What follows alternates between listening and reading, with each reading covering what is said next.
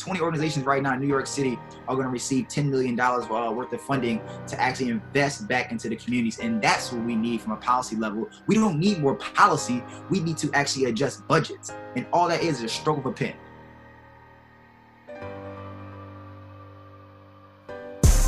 This is Courtney Mason, and this is the Millennial Dreamers Podcast, where I profile successful millennial entrepreneurs, creatives, artists, and thought leaders who are navigating the unconventional life of their dreams and profiting from their passion. I also share inspiration and career tips to help you take the leap of faith and go after your dreams.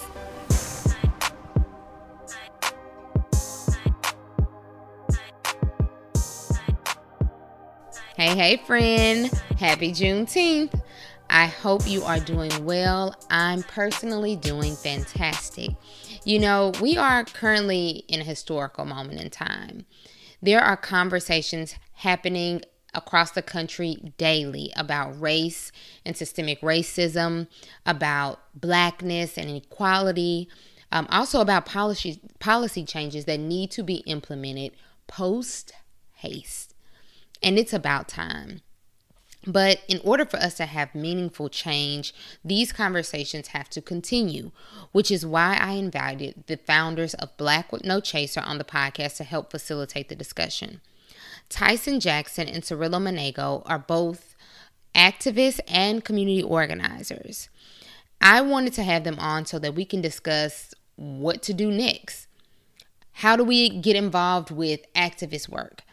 How do we get involved with the grassroots organizations within our local communities? What reforms should we be paying attention to, like defund the police? You know, what's the importance? We talk about the importance of voting and why we need to go out now more than ever to make our voices heard. So many different topics. And we also discuss their brand, Black with No Chaser, and how it celebrates being unapologetically black and why that's so important. So, without further ado, we're just going to hop right on into the discussion.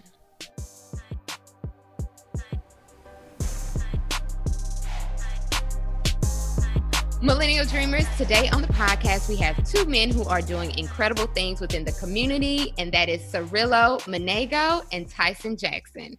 Welcome to the podcast.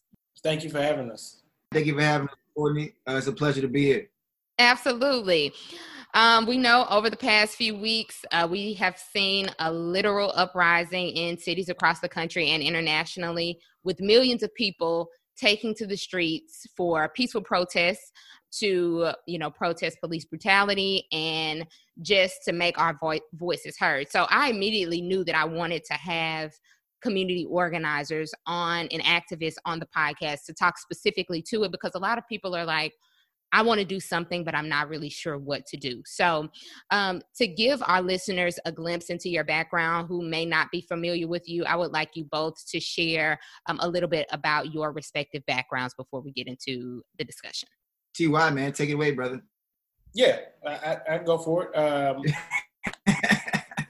uh, again, thank you for uh, having us both on this podcast, uh, uh Courtney. Um, for your listeners out there, my name is Tyson Jackson. Um, I'm originally from Champaign, Illinois. Uh, I attended Tougaloo College in Jackson, Mississippi, which uh, kind of started my road to activism. Though it kind of started in high school. Um, I, you know, in high school, I went to a predominantly white high school, and um, we dealt with a lot of the things that we're kind of examining now in today's uh, time, and we have terms for it. Back then, I had no clue what the terms were, but I just knew that um, I felt uh, you know, oppressed specifically as a black male um, in high school. So I started high school groups uh, and to address some of that, and um, that that activism led into college. Uh, from after college and moving forward, I, uh, I say that my biggest start in um, activism, social justice, uh, and organizing, if you will, came from opportunity to intern at the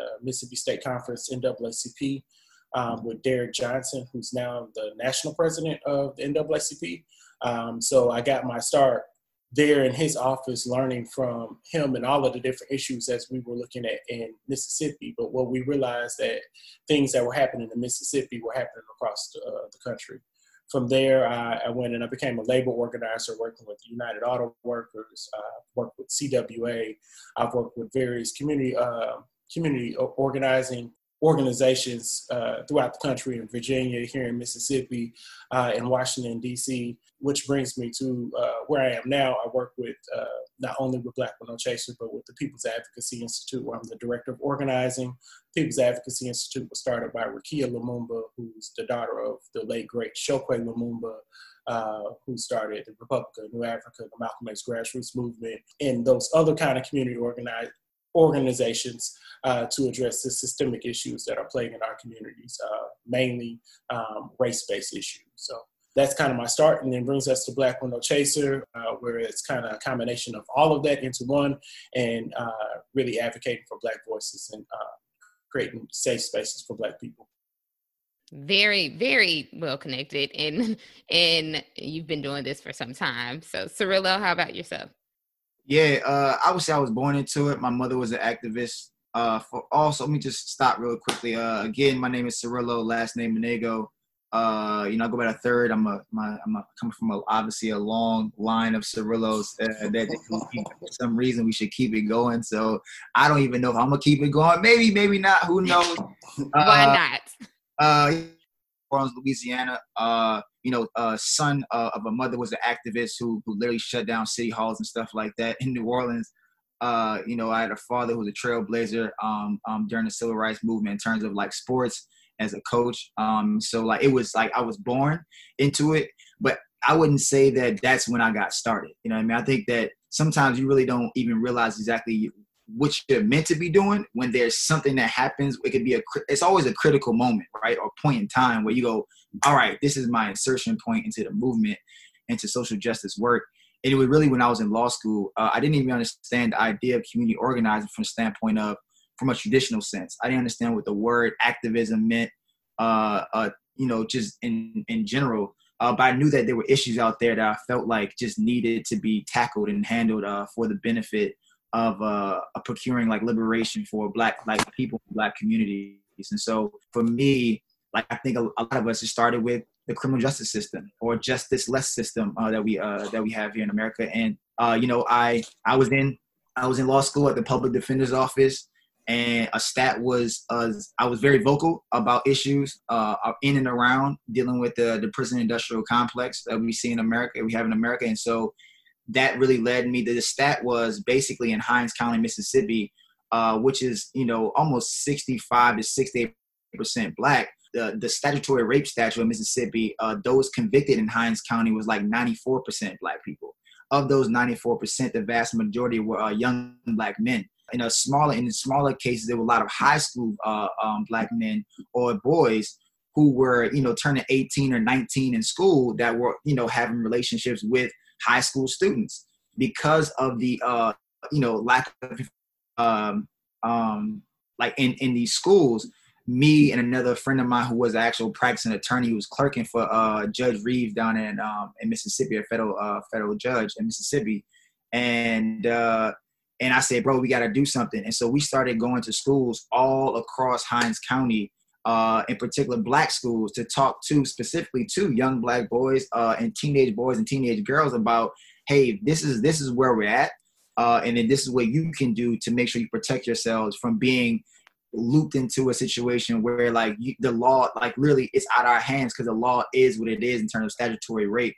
And uh, and from that it really turned into like voter registration uh, rallies on the west side of jackson to the north side of jackson. And then from there a lot of that energy, uh, you know, by me becoming president of the Black Law Student Association, I started traveling around the country, getting in contact with more folks that were like like me. And then so goes uh, my career. I ended up being in Washington, D.C. shortly after. Uh, I was in the Committee on Homeland Security. I was a fellow with the National Urban League Washington Bureau uh, on civil rights issues and uh, criminal justice reform issues. And uh, worked worked uh, intimately on Senate Bill 2123 under the Obama administration when he was in office to try and usher in a new day uh, of course, it was uh, it was blockaded by uh, Republican-controlled Senate, um, so that bill never passed. And so then we end up getting the first act, which is uh, you know a watershed, uh, which is like maybe uh, not a watershed, but like maybe a, a watered down version, I should say, of what that bill was proposing at the time. And so uh, because of that, and then so on and so forth, and literally I've been in DC doing social advocacy work now for four years. It's been, you know, it's been fun, it's been real, and then so then led to Black with No Chaser in the interim of everything that's been going on. It was a bunch of like-minded people wanted to tell stories that were either misrepresented, underrepresented, or just not represented at all. And we wanted to actually be that voice uh, for us in a way that was unapologetic. Um, that we, it was again to echo what Tyson said, it was a safe spaces. And so now, uh, you know, Black with No Chaser is what it is uh, to this day and growing daily. So uh, we're very obviously proud of, of being uh, being that voice, but with that voice comes a lot of responsibility, and so we don't take that lightly. And uh, so that's how we move in that in that lane. You know what I'm saying? We do it and we do it well because we love us. So that's really that's really what it's all about. That's, we have to we have to look out for ourselves because clearly, you know, we are the only ones that are going to do it. So, um, and you mentioned that you went to law school, and I understand you went to Mississippi College School of Law. So before, you know, your work there and while in school catapulted you into social justice issues and activism. When you got into college, did you even see this being the path forward, or were you interested in being like a corporate lawyer or something completely different? Yeah, so real quick though, man, shout out to FAMU. I'm a graduate of FAMU, uh, HBCU grad. Uh, so I really lead with that more than I lead with my law law degree, to be honest. Uh, okay. You know, yeah, shout out to the HBCUs because we are all HBCU graduates. So that's right. I just want to, yeah, absolutely. Yeah. I, you know, a, you know, I, I, try to I try to lead with that because you know my love for Black people, uh, and really on like just how I started to think around charity, uh, and, and and matching the heart, mind, and hands together in a concerted effort to really do the work in our community. Started to, uh, it really was born there in a real way. You know what I mean? Because like growing up in New Orleans uh, you know, it's a lot of different things happening, but you know, really just more so surviving to be in an actual higher, uh, a higher learning, and you know, you can actually thrive and not have to worry about some of the ills of the world. You know, I mean, you feel like you're in a safe space. Uh, I would say, you know, you know, that's really where the root of it is. But I would tell you this though, is I really went from being I had my own damn uh, sports agency while I was in law school. Uh, I was on the way. I, I did a, uh, did the inaugural class at the University of Oregon Sports Law Institute. Uh, so I was really moving into being a transactional lawyer, corporate lawyer, and did a whole 180. I got to Congress. I really didn't understand policy even while in law school. I think people think that because you're in law school, you read laws or you you read about laws that you understand what it means to legislate um, and I didn't really understand what that meant. And once I found out that uh, on how budgets were procured, how budgets were laid out, when I found out about the various mechanisms that are controlling our, uh, I began to go, hold on, man. So the more I began to learn and understand, the more I deep I started to drift away from, oh well, I'm gonna make all this money. I'm about to be this corporate lawyer, and it really became more about like, you know, not me but us and uh, and I couldn't turn my back on us, knowing all that I'm like, you know, knowing the information I now had with me, I felt the responsibility to make sure that I, I jumped in the fight because uh, and that's just what compelled me. But you know, yeah, I, I just couldn't I couldn't just stand and, and look around and go, yeah, y'all like y'all go and figure this shit out for yourself, man. Like, right, right. It's like let me make the money, and I'm gonna turn a blind eye to to the ills of you know my people. What's going on with you know? Yeah, I clearly see absolutely.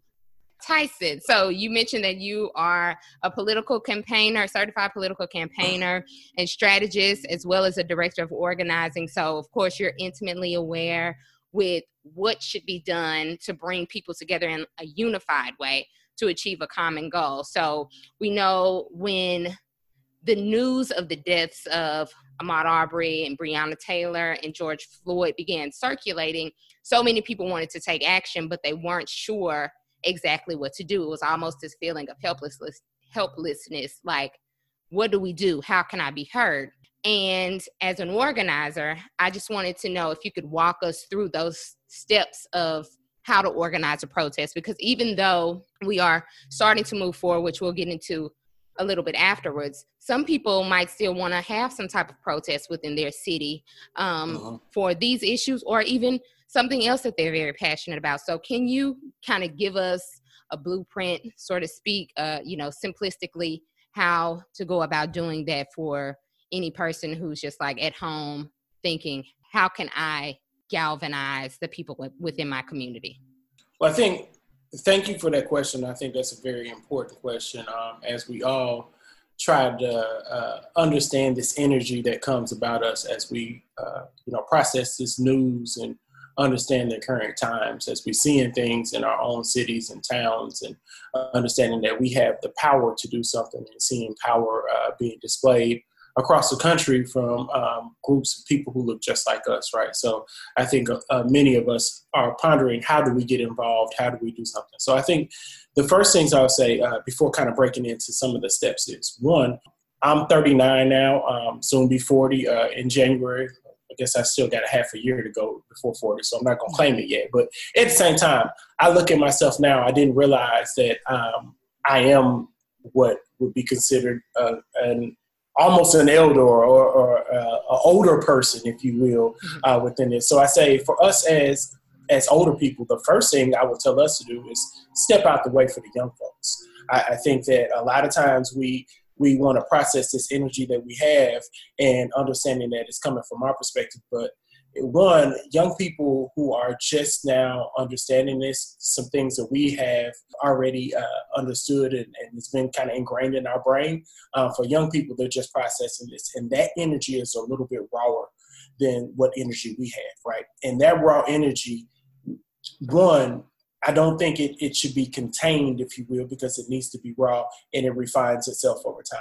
So I, I just put that out there. The second thing I say is to anyone that is looking to get involved or want to do something is understanding what's going on in your locality first, right? Um, and, you know, we all got an idea and it pops in our head of we need to do something. Let's organize these people. Let's get out there. Well, actually, you know, people who have been working on this before there was a crisis, you know, mm-hmm. they are already in the process of organizing stuff, and they are the better prepared people to actually uh, get stuff moving and because they have resources, they have knowledge, they have a lot of those other things that you need in order to do uh, a direct action, right? They already have it. And for those who are not connected, if they want to go out there and do something, they end up doing things that sometimes can uh, be a distraction um, and sometimes can just fall on deaf ears, or it ends up getting into a point in time where it seems like you're competing with these this other group over there, these people over here mm-hmm. for the same cause, and that and for anybody who were listing demands to, you know, that becomes pretty hard to be on one hand and saying, well, I got these demands coming from here from this people and these demands coming from these people. And so now it's like I have to prioritize of which demands I'm gonna listen to first. Who's that? And then if I listen to this group over here, now this group over here is upset, right? Because mm-hmm. I didn't do X, Y, and Z. Well, those two groups actually could have just came together and coalesced and then had demands and they issued together. Now, sometimes that's idealistic and it doesn't happen but kind of, if you will, the steps of what we're talking about here as we talk about protests. A protest is a type of action. Um, actions come into you have non non-violent direct actions, and then you also have violent direct actions, right? And there are two different ways that we have to look at that. Uh, some um, some types of uh, non-violent direct action includes, you know, as we know about civil rights movement, the sit-ins. Uh, from a labor standpoint, you have strikes and workplace uh, uh occupations um, to what we see nowadays uh, when it comes to like people blocking traffic, street blockades, or even um, in the more digital sense of hacktivism, you know, uh, where we're hacking into different um, IT systems and and holding those the IT or whoever company not hostage but accountable to push to use their power and their force within you know the business world to pressure government into doing something mm-hmm. so you have those different ways and typically what we have been taught from the civil rights movement up until now is that the most effective way to get something done is nonviolent direct action right mm-hmm. and if we look at that uh, if we also kind of look at what we see in today too we see that there are violent direct actions that are out there. And some of those violent direct actions, which people are calling the riots, uh, you know, um, some of the, the, the, other things that are happening out there on the streets when it comes to uh, agent provocateurs, if you will, who are who are out there, uh, you know, uh, enticing violence or inciting violence. Those things are actions as well too. But I think the the first the the in I know I gave a long answer, but I'll bring it back in. The first thing I learned about um, organizing any kind of action is the three steps, and that's educate, agitate, and organize, right? And if you don't do those three steps beforehand, then I think something's going wrong. Because if the if the people are not educated on what the issue is, right, and what they're fighting for. So, take for instance, we're talking about defunding police now. Mm-hmm. If people are not educated what defund police mean, then they're not going to be able to participate uh, fully, right? So we have to educate them on what this means and the different things. Agitate. So agitate is once I have this educate this education here, I'm about to agitate the ones, the power brokers, to listen to us. So we want to speak uh, uh, truth to power. That's agitation. And then organizing after that is okay, now that we spoke this, now what do we do to make sure that this goes on? That's policy, right? So, how do we organize people to policy and mobilization? Um, so, we educate, we're going to agitate and we're going to organize and that those three steps should be present in any kind of direct action that we're talking about whether we are talking about uh, nonviolent or violent direct action I'm not advocating for the violent. I'm just saying that they, they do exist. It exists, right? Exactly. And a lot of some of the questions I have, you both are answering them as you know as you discuss this because that was one of my next questions. It's like for weeks we've been out in the streets protesting, making our voices heard, but now we're starting to transition or pivot to those policy changes and implementing programs and things like that. So you mentioned defunding the police as one thing, but where should we be focusing our attention if there were some key places that we can focus our attention and efforts now that we have our foot on the gas and we you know have full momentum um, following the protests in cities across the country and internationally yeah if uh if i may uh, I'll jump in. Uh, there,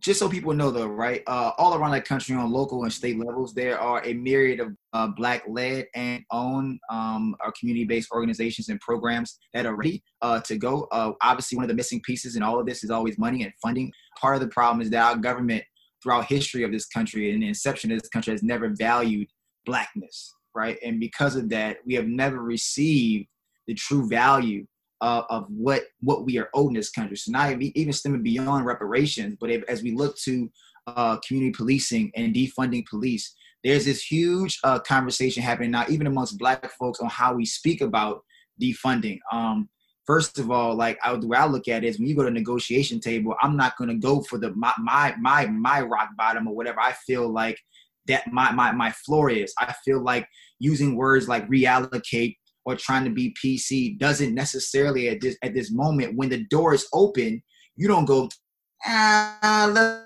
scale it back a little bit and, uh, and water down the language. Like, no, you actually want to push for as much as possible because our job right now is not to define every single thing for white folk. When we say, hey, look, or people in government or policymakers and stakeholders, we want to go for the golden goose. So if the golden goose dismantle the whole thing, and then tear it all down? Well, we want to go for that. If it's okay, well, now we're going to defund. All right, well then look, there's a there's a there's plenty of organizations out there, including one that we work with, Community Justice Action Fund and uh, Brighter Days. Uh, and by the way, these two groups are the only national black-led uh, uh, gun violence pre- prevention groups or community-based solution groups that are national that, that are nationally positioned in DC. So if you look at it, right, even from that standpoint, while there are a lot of local and state organizations, there's only two black-led and owned organizations on a national level. And so from right out the gate, we need more resources, we need more boots on the ground, and so we we need more people to add the value in the work that's been done across the board. And so from a policy level, defunding the police just means reallocating or reinvesting the money you've already had budgeted. For example, Houston yesterday or on yesterday or two days ago, council council member uh, Letitia Plummer just offered a proposal to di- divest $12 million right from the budget that would have been going to law enforcement that would have gave $12 million to community-based organizations that have programs set up to actually help with training to actually help with community-based policing that would actually get uh that would actually uh fund cure cure the violence of violence interrupters in communities to diffuse situation and stop violence at the source. So we're looking at uh, things that are already happening but yet like people aren't seeing the value in them because they value more policing and over criminalizing our people. And so from a policy level uh this is just more so about it's not about whether or not we have the resources more so about if they're willing to invest the resources in our communities at, at a particular point in time. And there are cities that are, that are doing it, right? $10 million just went to um, New York City. Uh, Mayor de Blasio, uh, while he's done a lot of like shady shit over the years as uh, being mayor of New York City, but because of the pressure of community organizers and relentless and tireless efforts, right? This is on local levels, not necessarily on a federal level, but local levels where people have been talking about this shit for decades, decades, right?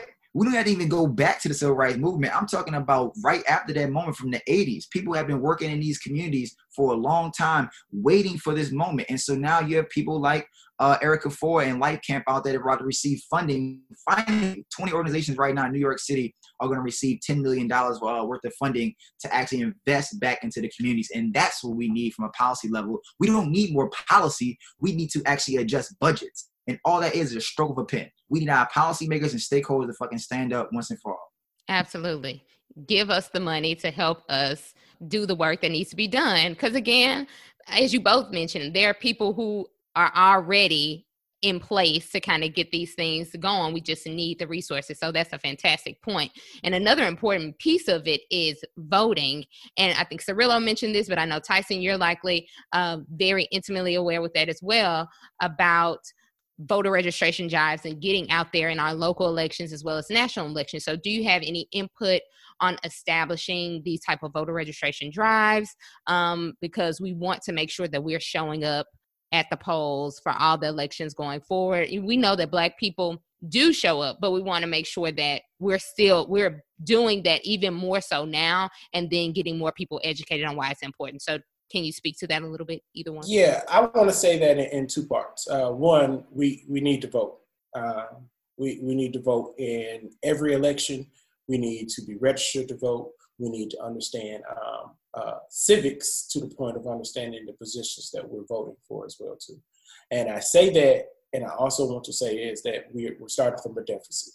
One, uh, they have systematically uh, taken civics out of schools, especially um, in places like I live down here in Mississippi, um, you know, that, that's not something anyone's taught. No one knows what the tax collector does. They don't understand what the election commissioner is. They don't understand those other uh, uh, things that pop up on the ballot, or you see people's names on signs in the yard, on yard signs, and what have you. Vote for me. Vote for this.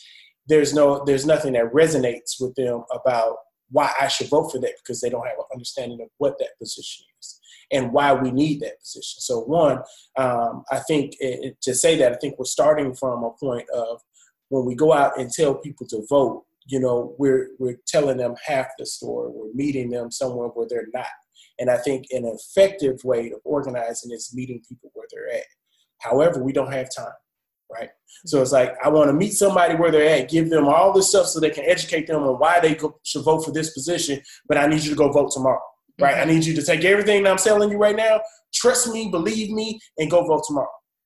There's so much of that going on that there's misinformation out there, right? There are people who have nefarious uh, reasons why they want to uh, um, um get people to vote, right? Because people, some people who are seeking office uh, are seeking to uh, take people's power instead of empower people.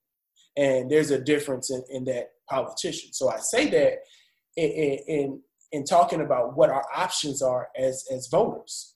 Um, and many of us are, you know, as we're learning this this voting system, this, these civics, and all the rest of this, we're we're you know taking that and looking at who we have the option to vote for, and we're saying, you know, I don't feel comfortable with that person, right? They haven't done the things that I think they should have done beforehand to qualify them for my vote. And we're really adjusting to this now. And what we have is a two party system where it's either this or it's that, right? And people are forced to go, like, the, the, the, cliche is, uh, you know, voting for the lesser of two evils. But you you know, the righteous vote or the righteous stance will be to not vote at all. It will be to abstain from it because if I'm picking from this evil and this evil, and I don't believe in evil, then why would I pick between two evils? And I think that comes to the core of what people are trying to make a decision for. And I think that also goes into why a lot of people don't vote. Then they say, okay, it's not going to make a difference if I vote or this and that and the rest. And honestly, some part of that is true. Because, you know, if we look at, if we say, okay, I'm going to vote Democrat, right? And then we look at who's the author of the 1994 crime bill. We look at uh, uh, the Democrats and you know how they have supported police unions. We look at the Democrats on how they have taken money from gun lobbies. We look at the uh, the, uh, the Democrats and we say, okay, all this stuff that we hear that is bad for our community, we see y'all supporting on one hand, but yet still I'm supposed to go vote for you because now during election season, you you giving me the speech. You, you're telling me you against all this stuff. You're against all this. But we look at your track records and we say, okay, that's not what you really believe. And I think a lot of us are waking up to that right now. Um, and, I, and I put a quote out the other day on Facebook, and I said, you know, some some of us are fighting for true freedom, and some of us are fighting to be accepted by America and that goes to black politicians as well too right?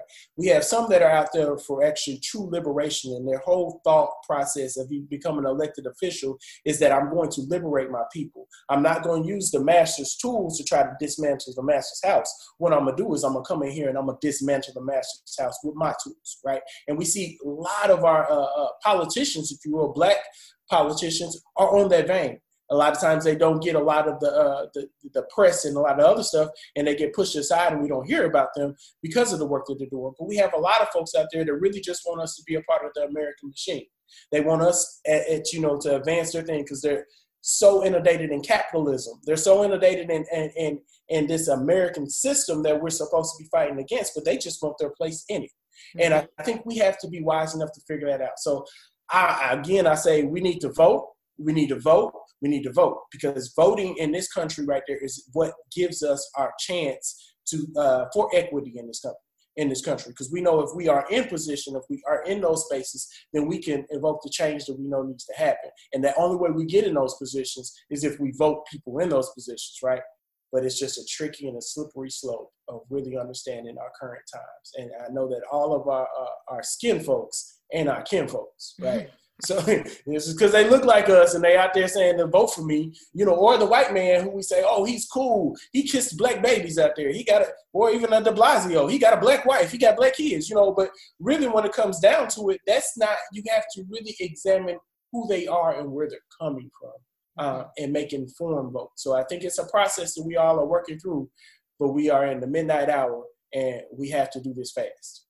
Cirilo, I know you got a, a, a, a you know. Yeah, yeah, man. So yeah, it's uh, a lot to unpack. To be honest, man, uh, the voting question is obviously one that is um, you know high on everyone's list. Uh, trying to figure out whether or not you have the energy to vote, uh, whether or not you can vote, and whether or not you will vote. Um, and so I, think everyone in breaking it down uh, in terms of just like matter of rights, right? Is your right to vote, right? But and and also that is your right to abstain from voting.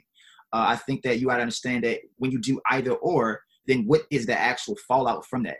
I'm gonna tell you. Look, I'm gonna give you an example of why voting is so important, and and it's not really on a federal level. Sometimes we miss uh, because there there's the entire country weighing in on a particular election that we lose sight of how important one vote is. In Mississippi, it happened about in 2000. I forget the year exactly. Uh, Constance Slaughter Harvey, which is the first black woman to attend Ole Miss Law School, very, very staunch advocate in voting. I took her class at Tougaloo.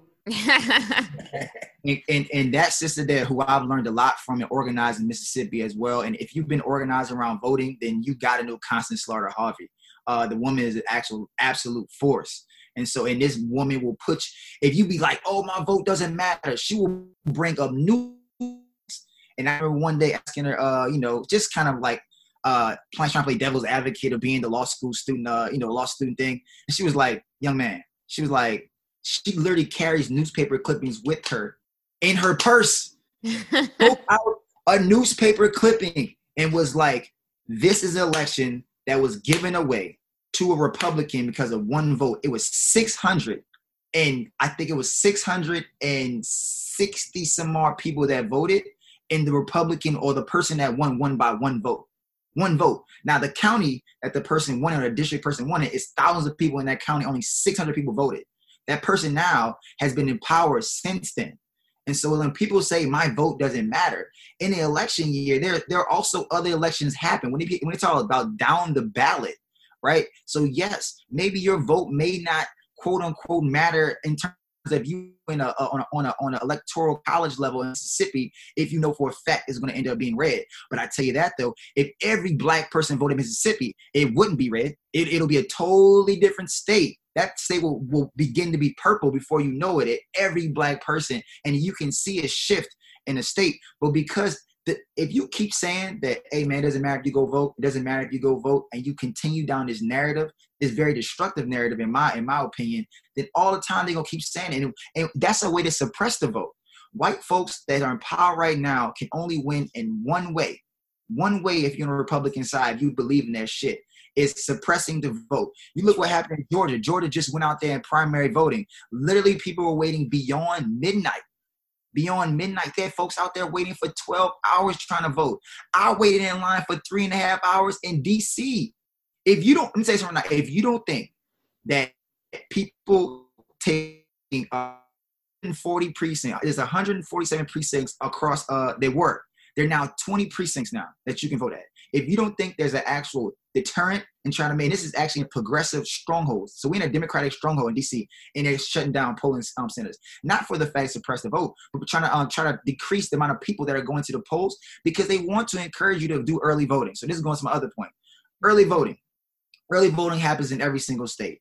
Right now, make sure if you are listening to this or whatever the case may be, you go onto your state's website. There are a ton of resources where you can tap into early voting. Second thing is, if you can't vote within the jurisdiction because you are disabled, you're not you're not actually uh, you're not uh, a resident uh, or domicile in that particular state at the at the time elections happening. Make look that's why they they're trying to pass the House Democrats just passed a three trillion dollar stimulus package that Republicans are against. Numero uno being Trump uh, in in the White House ballot voting and people are going to snatch ballots out the mailbox. This is what the president of the United States is saying to actually infect the uh, the democracy of, of, of Americans saying that hey look like we uh uh we need to make sure everybody's going to the polls. They know that folks ain't going to the polls. Folks don't even want to go out in public generally right now who are afraid. You talking about people that are at risk, um, that are vulnerable, that are part of vulnerable communities that can't afford, their lives can't afford to go to the polls. And so like this whole like this this narrative of yo absentee ballots only about people not living in states is actually a farce. There are far more people that are choosing to be absentee ballot um, on voters at this point for safety reasons. And we're dealing with that. We're in a goddamn pandemic right now. And so we got to be very mindful of that as people are trying to find ways in which they can remain engaged in politics in a democracy in America where there's a right to vote. And then so like, like look, you got, I can go into for days. You got in Florida, right? Uh, the, the governor there is trying to they already passed Amendment 4. They should have restored all the, the rights restored to everybody voting out in Florida, and yet they're still trying to find ways to what suppress the vote. So I'm telling you right now, anytime it's try, anytime somebody trying to stop you from doing something that's right. that can ultimately make your life better, that should be the key, and that should be like right at the top of red flag to know that my vote actually does matter. They wouldn't be trying to suppress your vote if your vote didn't matter and they know that if they suppress one, they can. It's a it's a force multiplier. I'm gonna go to people I know, man, the hell with this dude bite, man, the hell with this whatever. And then so now somebody I know is gonna go tell somebody else. And before you know it, we got a third of the black population voting population in America not voting. So we only got 42 million black people roughly in America anyway, right? So 14% of the population. Now you actually scale back from the black folks that's locked up right now, right? Who can't who can't vote. Now you look at the people that are dis dis uh uh dis uh, uh enchanted and I, I, uh-huh. I, I don't want to say uh, uh, that they don't want to vote. They're disenchanted by the political process, and then you so then you add those people together. Now you get half of the voting black voting population not voting.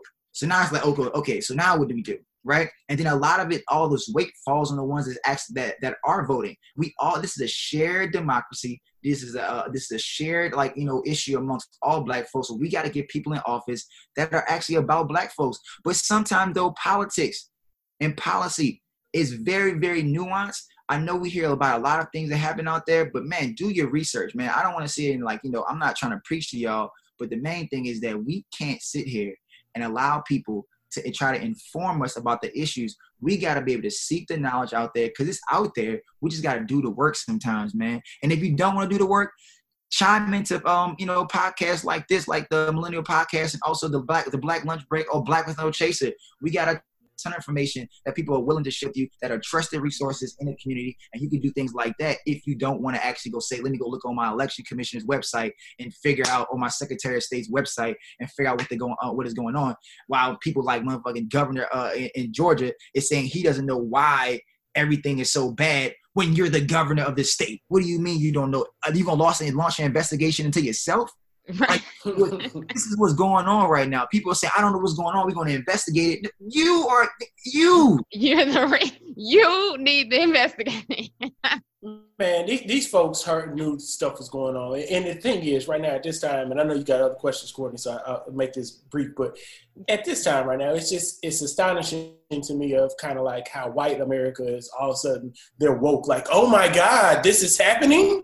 Oh my God, we got to do something like when we were saying the same thing not four years ago with uh with, with Mike Brown, wow. when we were saying the same things two years before that with Trayvon Martin, when mm-hmm. we were saying the same thing during the '80s during the uh, the the, uh, the crack revolution of what they, they the crack uh, whatever we want to call it, the war on drugs. We've been saying the same thing, and we've been saying the same thing. We've been saying the same thing, right?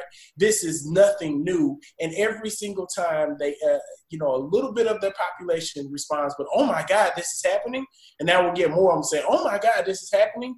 Um, it, it's to me, it's disingenuous. It's like, how do I deflect from my own internal racism? How do I deflect from the feelings that I have held uh, deep inside of me that I haven't let anybody know, but I know that I have deep down inside, right? And now, how do I deflect from that? Let me put on some kente cloth and um, and, and, take a knee at, at the Capitol. You know, well, don't give me don't get me started on that. Don't get me started on that. Bro. We all will just be like, you know what? Because that's something else, and I actually want to speak to that point. Bro, you know, you know, a couple Go right ahead. Dog, let me tell you something right now. Black folk don't need white folk and kente cloth. You know we need? Resources. Action, right. We action. We don't, you taking a knee doesn't move me. I, like, you know what I'm saying? Like, look, like, eh, oh, I'm supposed to be, I'm supposed to be excited because you took a knee. First of all, though, you could have took a knee when Cap took a knee and, and, and sacrificed his whole career. That's that right. Time to take a knee, not when you think it's popular, right? And I asked this question on Twitter the other day: Is that why it took 400 years, 400 years for white leadership to finally go? Yeah, George Floyd's dead. That's the that's the one, right? So not civil rights, not the not segregation, not not not not discrimination on FHA loans, right? Not not not gerrymandering, not not uh you know like not mass incarceration, right? Not mm-hmm. not the war on crime that was really on black communities, right? Like none of that. Not the not the not the Central Park Five, not Emmett Till. Like we oh so George Floyd. Okay, I get it. Okay, so now so now that George Floyd, so now we got your attention right? And now you want to take a damn knee. No, no, no, no, no, no, no, no. So that's not what we're doing, right? And so right. white folks understand is that we don't want you to do any of that. Now, like that time has gone and went. Like you could actually do the easy thing. The easy thing could have been with taking a knee, and now you had to worry about any resources. Now we saying we all we want is our reparations. Give us our damn the money you owe us. Like my boy said, the jig is up, y'all. The jig is up, right? Pay us what you owe us. all of all of our communities, right? Like you, you let me say that America cuts checks every day for whatever they want to cut checks for. If they want to cut make money for three trillion dollars, they can cut a check for three trillion dollars, and boom, just like that. I don't want to get into like the whole this whole how see, or oh, I'm sorry, the economy is made up now, because then we get to a whole snafu about how this the economy not even backed by gold anymore. That has gone away for ages now. So like this whole idea that oh we can only produce enough dollar to back the gold is actually bullshit. If you want to just put it on the books, you can just make it happen just like that. The debt system is a way to actually keep us, right, in check. That's it. Like, no, who's controlling America's dollar? If, if America wanted to go, this is this is our this is how the GDP today, they could be like, all right, cool, that's GDP. This is what the stock market is doing. Half the they get three quarters of the country don't even own stocks. Probably more than that. Who gives it? Like we talk about stocks all day. Nobody even owns stocks. Right. This is true. this is true. And you know, you both made some like excellent points. And I had this question later on, um, well, a little further down. I don't have as many left, but with the white community because now you mentioned it's like now all of a sudden we've been screaming this and saying this and saying pay attention. We've taken these like you said colin kaepernick sacrificed his career for this. And it was all of these conversations about uh, you know well it's about this issue it's about the instead of listening to what we're actually saying. You're not listening to our words you're hearing what you want to hear because you don't want to address the issue. So now all of a sudden because there has been i think also with we had the lady in central park with mm-hmm. with that foolishness. We had you know breonna taylor that you know her murderers have still have not been held accountable. And now we're still like pushing for that because that was something that was just like what in the world? You can be sleeping in your own house and they can come in and kill you and no, with no accountability. And then you also had ahmaud arbery all of this happening at once. And so now i feel that uh the white community cannot turn their eye because it's just constant. It's been a barrage over the last couple of weeks of messaging that's saying, wake up and listen to, to what people are saying. And so now a lot of black people, we, you know, have white colleagues and some friends who are well intentioned, who want to now open their eyes and take their head from out of the sand because you literally that's what you've been doing all this time and just pretending like none of this exists um, or just holding on to your your grandparents and parents racist beliefs and ideals. You've been holding on to that are not challenging it and now they're like what do i do? So what do you say to you know even black people uh specifically who who are facing that. They're just fatigued. Should we help them to get to that place of understanding or should we just say you know what? We've tried all this time. You're on your own. Do the work that we've been doing or listen to the things that we've been saying all along. Like what do you say to that I would say, you know, first question, first first thing I would say is really that's an individual basis. Um, I, I, think that you know the, the relationships that we have with uh, people that are outside of our culture um, are unique uh, to the people who we have relationships with, right? Uh, and I think that, you know, I can look at white people in its totality and say, you know, no.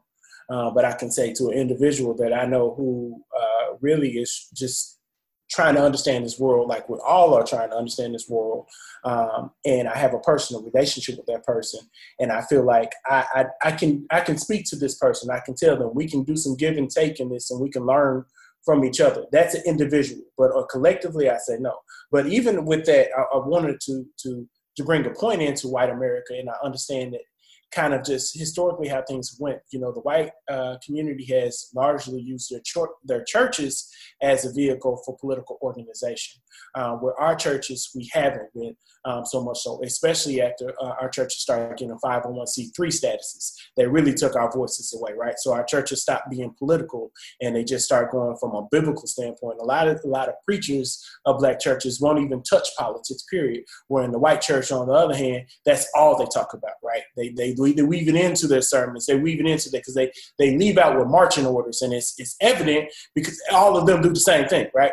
Mm-hmm. Which I want to say is that we have to kind of look at this moment right now and say, okay, we are playing chess, not checkers. What chess move is being done right now? So if white America is all of a sudden saying, oh, we we uh, we know Black Lives Matter and we're standing up now, this is enough is enough kind of thing like that. And I'm like, okay, what's the chess move right? So what we know from, and I know you got that question coming on, what books we read and stuff like this, from going from Michelle Alexander's The New Jim Crow and to looking at 13 uh, by Ava DuVernay, um, and and and what was laid out in both that book and that movie, we understand that now that they are attacking the criminal justice system as well too. They're talking about you know dismantling prisons. You know, if you look at even uh, Jared Kushner and Ivanka Trump and the work that they're doing on the side of trying to uh, talk about criminal justice reform and all this. They're taking this language now and they're using our language if you go to a lot of these websites about the stuff, you have to kind of go in deep to figure out who's talking about this, right? If you start looking at it, it's like, wait a minute,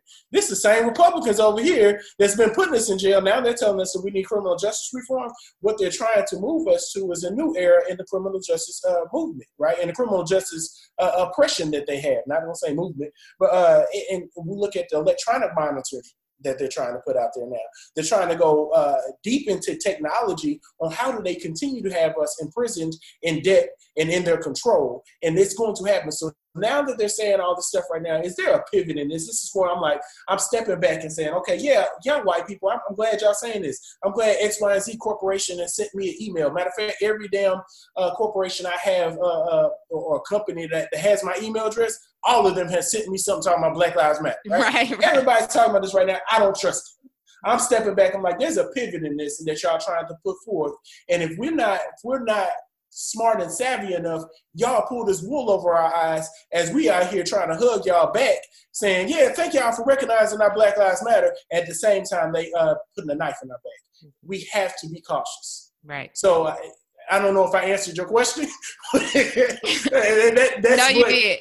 From all of that, it kind of um, came about yeah no that that helped because it's like and at, at, the outset you definitely did. It's like you know we are cautiously optimistic. We are i'm i'm personally like you know i can appreciate those who are genuine like you said on an individual individual basis i know who is genuine because they would have shown that they cared about these issues before this has come on. And then now they're saying okay what what can I do? Okay, so how about we do, you know, my friends that are like, okay, so listen, how about we do this? How about we, you know, yada, yada, yada. Then you are being proactive. You're not just putting it on me like, Courtney, tell me all the things that I should be doing. You're bringing ideas to me and you're bringing your dollars and different things of that nature. So, you did answer that. And so another question which kind of looped in what you said or uh, just like what are some other things we talked about a lot and you both have given some some helpful information. What else can we be doing? Any recommendations in terms of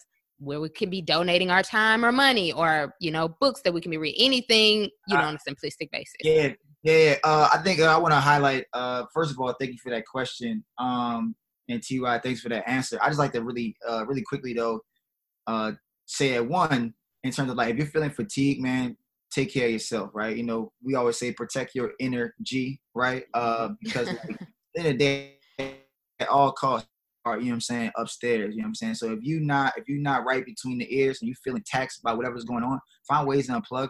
Find a, a tribe or village of people or person that you can lean on or communication that you can lean into uh, that has support system because like we like you know I look at this like if you ever seen wrestling right and they got you know you can tag in and out. They got the tag teams right?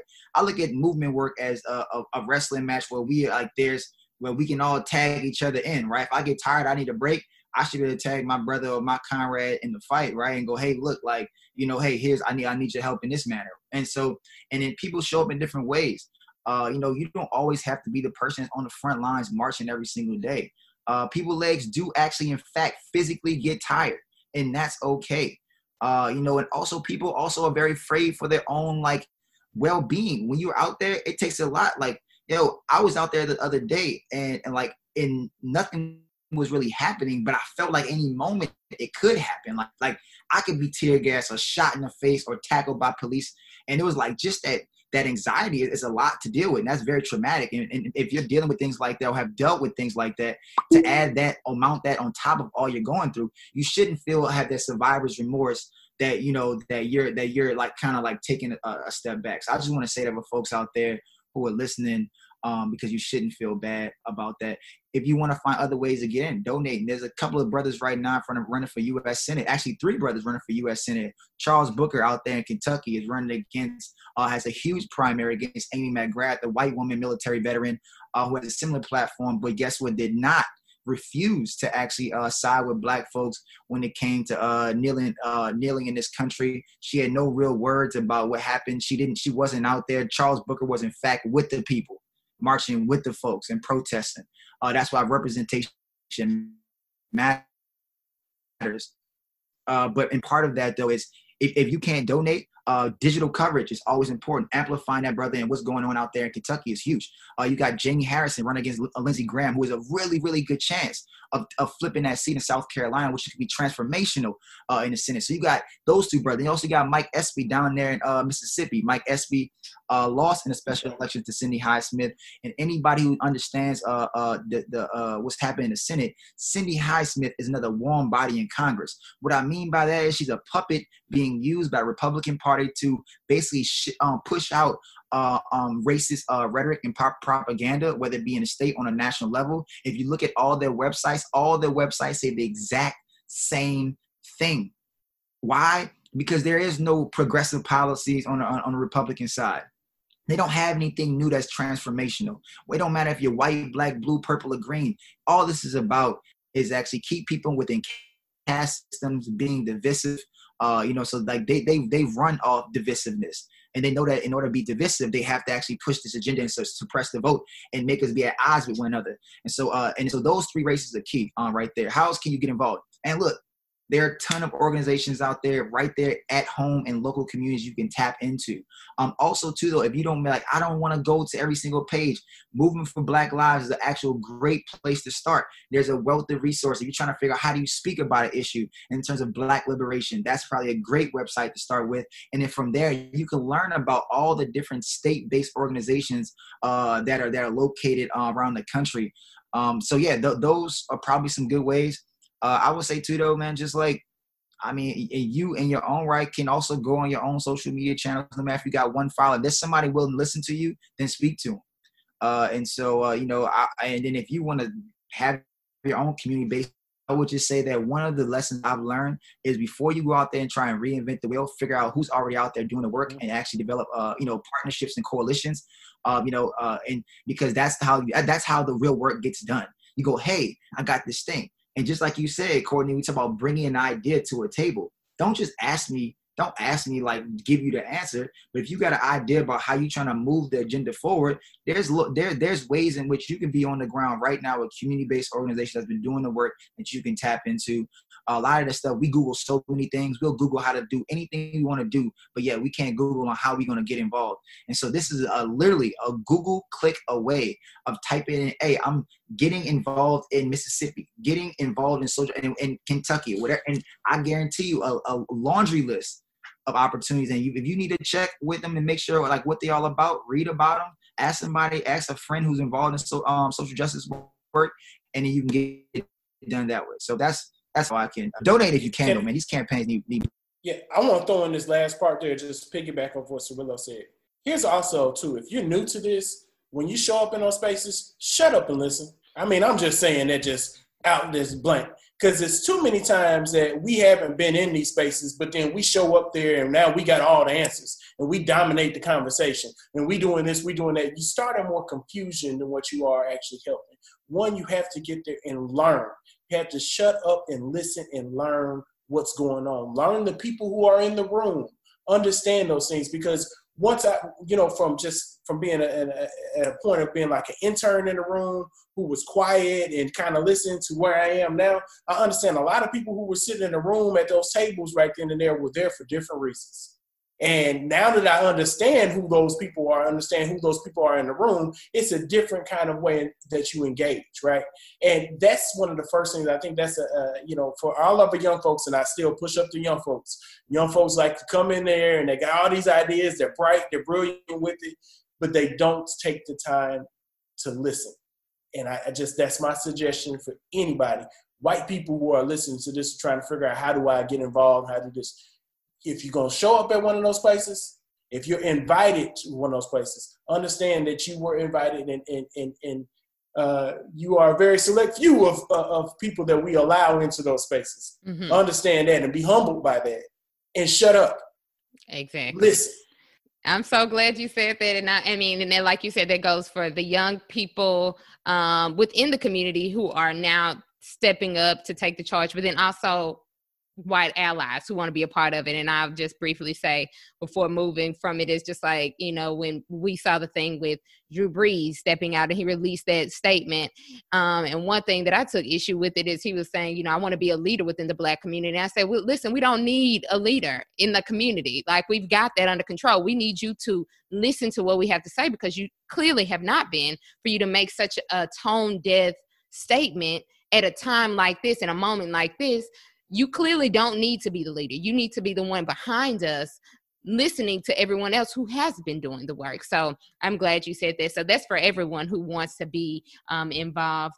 And also, hopefully, that you know the time does not run out on us. But I wanted to talk about uh, your uh, company, Black with No Chaser. I wanted to get into you know how you know what the mission of your business is and then also how we can support because someone might say oh i didn't know this was out here and i've gone to your page there's a wealth of information on it and i want to know how we can support Ty, say go for it, Cirilo. Uh, you you got you, your, uh, uh, you, you, know you are you are uh, you are our um, our person who does this.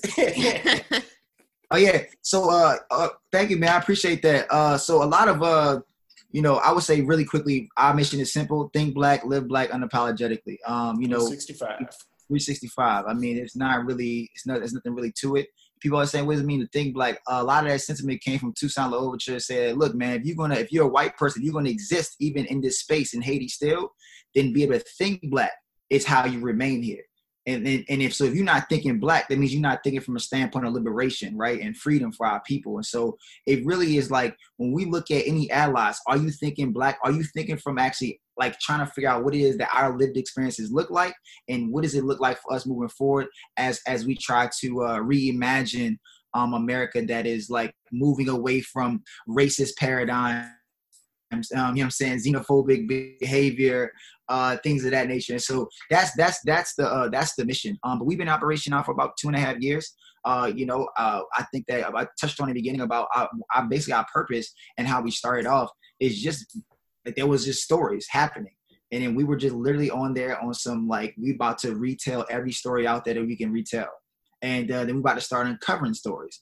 And then so it, it became uh uh, and then now, then all of a sudden it became well. Now it's about the it's all about the culture, and so it definitely has like like transformed over the years, and not because we never meant for it to be that. we had to find a way to actually just begin the conversation. And once we got folks into the room, then it's like, oh, they are dope. They actually understand like these these are actually people that love black people through and through like we live this every single day. We don't just show up and go, damn man, like how am I commoditize blackness? You know what I'm saying? Like, nah, like we actually out here like we don't make like right. I'm saying right now, up until maybe even just recently, started making marginal dollars. You know what I'm saying to actually invest back into uh, Black with No Chaser. So, so for the people that's been supporting us, they can enjoy a product, a brand that actually is for us and by us. And so, uh, you know, like we've uh, we've now been able to uh, expand a little bit more and move into consultancy work and advocacy work. Uh, and so it's been encouraging to uh, see that people see us as a voice. Um, and so yeah, like it's I, I can probably like two and a half years ago we started with zero followers, and like now you know we've amassed almost three hundred thousand on um on uh, Facebook. We have another almost now seventy thousand on Instagram and almost another like 16,000 on Twitter. And, and we got millions of folks coming to our website every month every month, every month. And it's because and, and, and, as we grow, we understand that there's responsibility to the communities that we uh that we represent. You know what I'm saying? That we're a part of. We we we we're just and then also to those that we don't see ourselves like this separate entity. We're just as immersed within black culture as anything. We don't, we're not some umbrella of black culture. We are immersed within black culture and we actually work from within. Uh, we don't, we don't try to like run with the play, you know what I'm saying? And go, hey, look, everybody come follow us. We're more so about how can we get involved and find ways and be, and be creative to develop partnerships and strategic uh, collaborations where we can grow brands um, together, where we can actually lift up uh, uh, black communities, where we can, so for yesterday, we got on a call with uh, two brothers in college that are coming with uh, coming up with a design that came with an actual design to make all your videos like, like that you could search for uh, in one stop shop. And so now we're trying to develop a collaboration with them, a partnership to help them actually grow their brand. Um, and so this is not, this is really, honestly, we always talk about this. We don't really do enough for Black I feel like, uh, you know, we, we're so, uh, we're so uh, passionate about what can we do for our folks that sometimes we lose sight of like part part of what we can do for our folks is actually working on the brand itself. And so now we're actually trying to trying to revamp a lot of things and give a better product to everybody, uh, so that we all can be proud of something that we've invested like you know countless countless uh, hours. And I'm gonna just say what CJ said and Ty, you can take it away. Is uh is uh you know we gonna we gonna laugh together, we gonna cry together, we gonna rise together. And uh, I believe that. And uh, every time I hear CJ say it, I just be like, well, that's, exactly what we want to do. Is we're not always going to be in agreement, uh, but we're gonna hash it out and we're gonna we gonna get better from it. And I think that that's the uh, that's really the uh, I think the centerpiece of why Black with No Chaser internally has been so so successful because we invite uh, dissent, um, we don't turn away from it, and we understand that you know blackness is not monolithic. We have a wealth of, uh, of black voices that are that are internal with Black with No Chaser, not just me and Ty. Uh, and so uh, because of that, it makes us stronger uh, because we we we can go, yeah, bro, I disagree with that, that but we gonna also come out with a solution. I think that it's just like a great microcosm of what really America could be um, if we just let it be that way. And I think Cirilo, I think you you hit everything on a, on a knob there. I think that we I want to just mention though we do we are at a point of we are accepting you know any kind of contribution from our people that want to see us grow, right? So you can go to blackwithnochaser.com and on the um, blackwithnochaser.com you'll see a, uh, a tab on there that says contribute. Now, I will say go on to blackwithnochaser.com. Oh In the upcoming weeks, you'll see a brand new blackwithnochaser.com. Oh it's about to get better. So if you go there now, you see, okay, we're going through our growing stages as we look at this. None of us are website designers. we, you see, we have attorneys, activists, and, and just people really passionate about black community. So we are, as, as we grow, we got more people that are coming on to help now. But even getting our website designers on board, you know, that's something that, that costs. So we, we will accept anything that anybody wants to send us. And I say anybody because we'll send white dollars too. Uh, but we, more importantly to us, what we really want is from our black people. We really want us, even if it's a dollar. I don't care if you, uh, even though I don't think it's smart to electronically wire 50 cents, but if you got 50 cents and you want to send that to us, we'll take that as well too. It doesn't matter to that standpoint because we want this to be organically from our community. And I think uh, Cirilo said a name, CJ in there. I want to give a shout out to our CEO, um, CJ Lawrence, um, who created the hashtag. And we looked at the date we created the hashtag. It actually predates the company itself. We created this hashtag back in 2015 and kind of couched it. And we just started using it in different posts we were putting up. And then all of a sudden to see it be what it is today is is a is an amazing thing. Um, and I, and I, the, the last part I want to say too is that we're not just in, in America. A many, a, much of our follower comes throughout the whole diaspora. It is such a joy to have people from South Africa, from Nigeria, from Kenya, from other places in the continent that are chiming in on our stuff and like, we here with y'all. That to me is like, and then that that blows my mind. But what also blew my mind was the hood feels us. I went into just like Jackson the other day, and I was talking to my homie, and he was just like, "Man, what y'all doing with Black No Chaser? Y'all need to stop, bro." Y'all need to stop. And I'm like, you know, for me, it's like, okay, we could get recognized by the world, but if the hood is feeling us, that to me, it's like that that that is the the number one thing. So yeah. It, so, yeah, I, I, yeah, feel real, real talk though, man. I think that the the last piece you said really gives me validation, man. When I got people hit me up and on my text or whatever, and it was like, you know, hey, bro, like like now people text me like, look, man, I need some strategy behind like this message about the uh, and like they really like look are looking to Black Panther Chase as a way to like y'all been doing this, y'all y'all been doing it before it became popular, right? Before people want to just be unapologetic, you know what I mean? And like I think all of us internally have all been kind of like radicals in different spaces that we've been in, which is why like you know it. I think that if you if you anybody who wants to be a part of Black Panther Chase, if you inherently believe in black liberation, then like you are black with no chaser. You don't have to be a part of black with no chaser to be black with no chaser. You know what I'm mm-hmm. saying? And so it's like, you know, and that's why we all that's why the that's why the community is the way it is because people like now we, we see hashtags and people got headliners on their bios like black with no chaser. Like I I'll never forget to this day that sister out in South Africa was like black with I'm like black with no chaser. That was the that was literally the first thing that she said and because people believe like yo now is the time like i can actually stand up and say proudly that i am black with no chaser. I don't have to be pc around that that i can go be unapologetically genetically black and go yeah that's that's me. And period. I i don't even what that means. Like watch me live watch me do the work that i do watch how i love on my people and all of a sudden you go oh that's black with no chaser right there and we, we we don't you know it's funny like people would be like yo y'all don't even have an about on your page. Because like and we gonna put it like all this is coming right? We gonna have bios and we gonna have all this shit so people can see who's behind black with no chaser. But we never really felt the need to have an about because we like the about is everything that we put out. Like like we are about us period. Mm-hmm like and so it's like and but now you know again with the new website we understand that there's a point where we got to like legitimize us a, a, bit more um if we're gonna move in a way but yo like june 22nd that website is dropping. Uh, they, they, y'all, y'all, y'all, stay stay tuned for the uh, the relaunch. There'll be more information coming out if you follow Black with No Chaser. We are obviously uh, uh very excited uh, about what's going on. And, and buy our merch. Buy uh, we we got so we invite anybody out there that wants to come out with us. Go ahead, Rilo. I'm sorry, you had froze, so I thought you were finished. I had froze. No, no, no, Oh yeah. Eh, eh, eh. I would just anybody. Oh, oh, man, look outside of just like purchasing stuff with us and investing with us, yo, like I look at investments also time and contributing to the platform. So if you got if you if you're a writer, you a poet, you whatever you want to do, you got content creator, content creator, you a videographer, like yo, we want to invite you to our space because at the end of the day, like like just use it, you could just use the platform. This is just a platform. Like, you know what I'm saying? This is the end all and be all for you. You know what I mean? I think a lot of times people are afraid to put their content in place because they feel like they may not they may not uh, uh, reserve the right to the to have their content.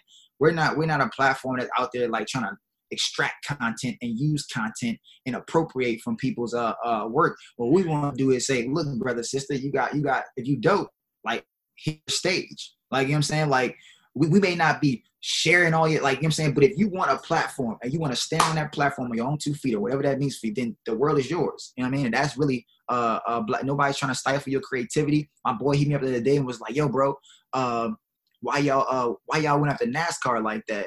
And I was just like, why we? I was like, yo, I was like, Black with No Chaser is gonna do what Black with No Chaser is gonna do. I was like, I don't I don't look over every article that's being sent out.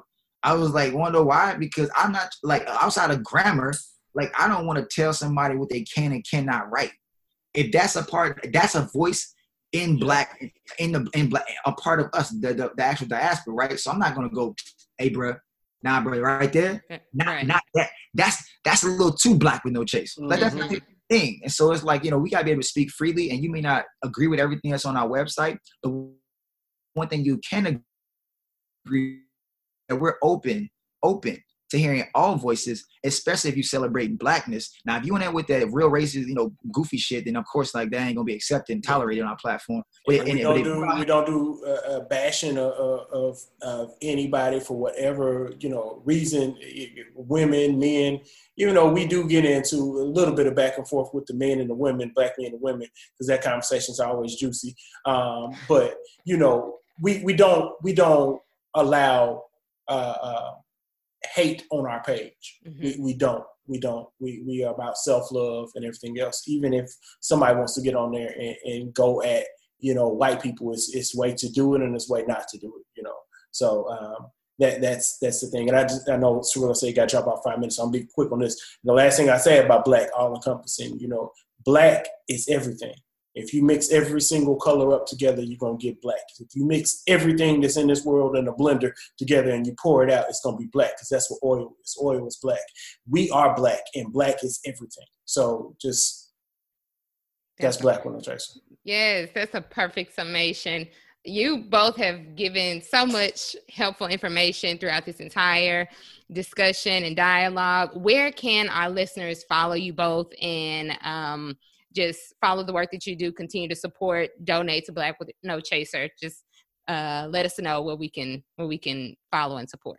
I'll go first. Uh, you can follow me um, uh, on Facebook. You can find me under Tyson Jackson. I know some other ones out there. It's a football player named Tyson Jackson too. But if you look, you'll see me. Um, and uh, on Instagram, um, I'm Tyson Jackson, T Y S O N J X N 81. And I just started a Twitter page the other day because I stopped my Twitter a long time ago, but I figured I need to get it started back again. And that's at Tyson Jackson, T-Y-S, uh. And of course, you can follow Black with No Chaser, blackwithnochaser.com.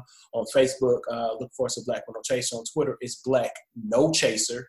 Um, there's no width in there because we can't Twitter doesn't allow that long of a word uh, name.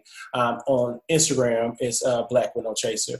Um, you can even find us on LinkedIn now because we have to understand that we have to be just as black in those corporate spaces as well too. So we on LinkedIn. Um, and on YouTube, uh, follow our YouTube channel. That's Black with No Chaser TV. So we have all those different options out there. If you go to blackwithnochaser.com, you can typically find all of our other stuff though.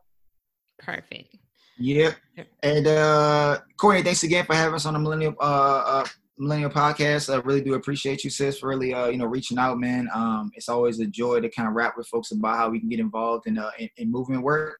Uh, I would say that if you want to follow me, my name is again Cirilo Manego. If you want to follow me, it's uh, on Instagram. It's C I R I L O M A N E G O three. Uh, on Twitter, it's C Manego. So C M A N E G O. Uh, you know, on Facebook, just my first first last name third, so I should be the first person to pop up. Can't miss me. Uh, mm-hmm. and that's I think that's it. I ain't really I ain't really active on. I'm on Snapchat, but I ain't active on Snapchat and TikTok. I just got it just because. You know, right. Like they don't want us on there anyway, because you know millennials yeah, don't need to be on. I ain't really active on that, but whatever. Uh, so but yeah, but again, thank you uh, so much for having us on. Uh, it really was a pleasure. And uh, if you need whatever you need from us uh, in the future, of course, uh, you can always use that as a resource. Um, yeah, and please send us the link to to this podcast. Make sure that so we can put that up on our page too, because we want to make sure the people following your podcast, and we want to make sure they hear us in, in, in what we just said right now too. So right. we want to put that out there. Absolutely. But, um, that platform is available for you too, Courtney. So now that you know about Black with No Chaser a little bit more intimately, understand that this platform is there for your uh, podcast and for the things that you're doing too. Now you're part of our family. I appreciate that wholeheartedly. You don't understand. I really do appreciate it. I'm so committed to what you all are doing. I think it's fantastic because, you know, we have to celebrate us. So thank you both again. Sure. And Millennial Dreamers, we're signing out. Peace. Peace. Thanks for listening to this week's episode. But before you leave, hit the subscribe button and leave a comment we want to know what you think about the episodes that you've heard so far. Let us know by subscribing and leaving a comment. And again, thank you for tuning in. We'll talk soon. Peace.